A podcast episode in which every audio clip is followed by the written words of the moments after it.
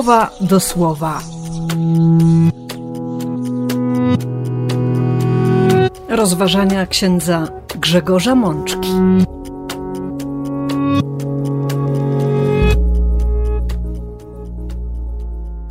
Dwudziesty szósty grudnia, święto świętego Szczepana, pierwszego męczennika.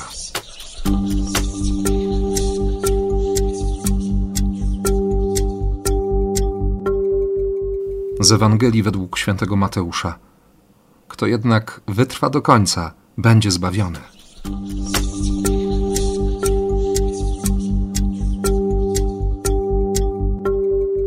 Siostry i bracia, Kościół w swojej mądrości przerywa nam ta tak zwaną magię świąt, bo nie o żadną magię chodzi, tylko, tylko o bardzo realne doświadczenie miłości, o czym doskonale wiemy. Nikogo z nas nie trzeba o tym przekonywać. Dlatego właśnie dziś, zaraz po uroczystości Narodzenia Pańskiego, w tym klimacie kolęd, bożonarodzeniowych wzruszeń, żłóbka i szopki betlejemskiej, która w tym roku obchodzi 800 lat, jesteśmy postawieni wobec tajemnicy śmierci. Ale tak naprawdę stajemy wobec tajemnicy miłości, która nie boi się śmierci miłości, która widzi otwarte niebo, widzi Boga, widzi Syna Człowieczego, stojącego po prawicy Bożej. To jest miłość, która wie, że nie liczy się nic z wyjątkiem ukochanego, ukochanej.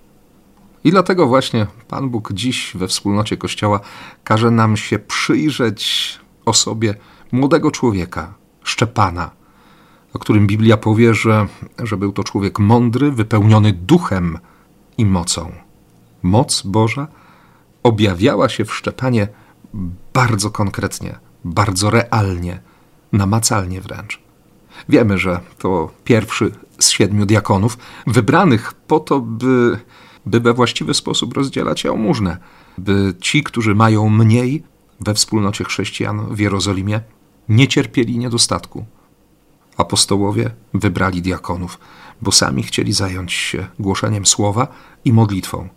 Wiedzieli, że to jest ich zadanie. I co więcej, tych siedmiu zostało powołanych przede wszystkim ze wspólnoty, do której nie należeli rdzenni mieszkańcy Jerozolimy. To byli Żydzi, właściwie już teraz judeo-chrześcijanie pochodzenia greckiego. To był Szczepan, pełen Ducha Świętego i wiary, Filip, Tymon, Parmenas, Mikołaj, Prochor, Nikanor. I przeczytamy w szóstym rozdziale dziejów apostolskich, że, że Szczepan, wypełniony łaską, działał cuda i wielkie znaki.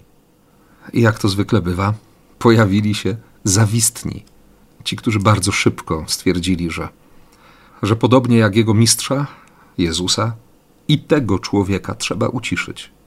Zebrali się ci wszyscy, którzy, którzy dyszeli złością którzy mieli w sobie nienawiść wobec tego nowego, co się dzieje, co się słyszy w Jeruzalem.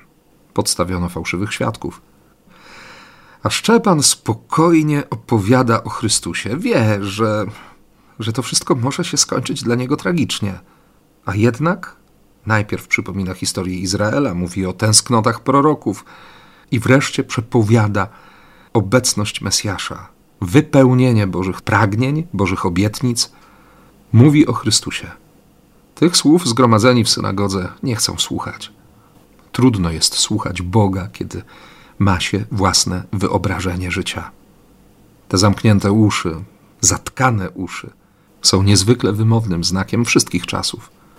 Człowiek, który nie chce słuchać Boga, który nie chce przyjąć świadectwa o Bożej miłości. Człowiek, który wie lepiej. I ta tak zwana lepsza wiedza chwilę później wygoni ich wszystkich z synagogi po to, by Szczepana ukamienować. A ten będzie się modlił dokładnie tak jak Jezus. Panie Jezu, przyjmij ducha mego. Gdzieś z tyłu głowy od razu jest to echo wołania z krzyża. Ojcze, w Twoje ręce oddaję mojego ducha. Nie mam już nic. Cały jestem Twój. Chwilę później, Panie, nie poczytaj im tego grzechu, nie licz im tego grzechu. Ojcze, oni naprawdę nie wiedzą, co robią.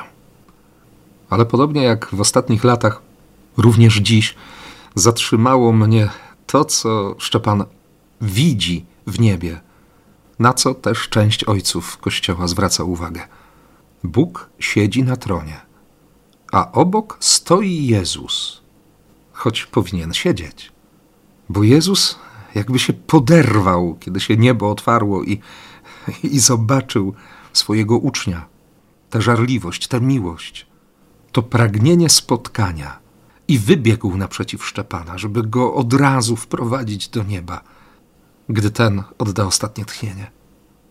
Tak bardzo Bogu zależy na tych, którym zależy na nim. Ta myśl towarzyszy mi od wczorajszego wieczora, kiedy przypomniałem sobie dzisiejszą liturgię słowa. Jest ona bardzo tożsama z przesłaniem Ewangelii. Owszem, Jezus powie: bądźcie ostrożni wobec tych ludzi, tych, którzy są wilkami, tych, którym nie zależy. Będą tacy oszukani przez diabła. Poprowadzą was przed namiestników, przed królów, i to wszystko będzie szansą, by złożyć świadectwo, by zaświadczyć o miłości. Od razu krąży mi po głowie ta historia o męczennikach koptyjskich, porwanych przez ekstremistów państwa islamskiego.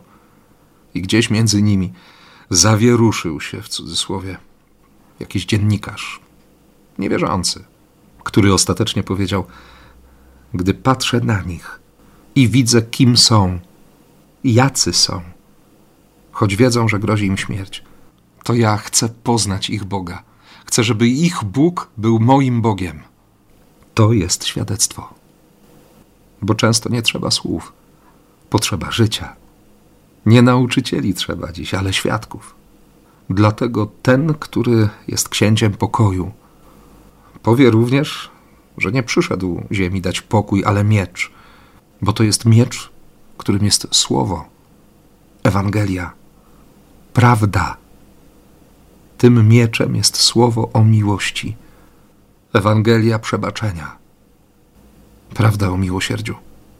To słowo potrafi rozedrzeć serce rozerwać te wszystkie kajdany i więzy, którymi opasaliśmy samych siebie i tych, z którymi przysłowiowo mamy na pieńku. Chrystus przychodzi, by nas z tego wyzwolić, wybawić, by oddać swoje życie w zamian za nasze zbawienie. I kiedy mówi, kto wytrwa do końca, będzie zbawiony, przede wszystkim mówi o sobie on wytrwał do końca. Nie przestał wierzyć, nie przestał ufać, nie przestał kochać Ojca i nas. Dlatego tajemnica Jego narodzenia i tajemnica Jego śmierci i zmartwychwstania jest dla nas doświadczeniem zbawienia. To słowo jest życiodajne. I dlatego, siostry i bracia, patrząc na Szczepana, ale przede wszystkim spoglądając na Jezusa, życzę Wam życia na wieczność. Amen.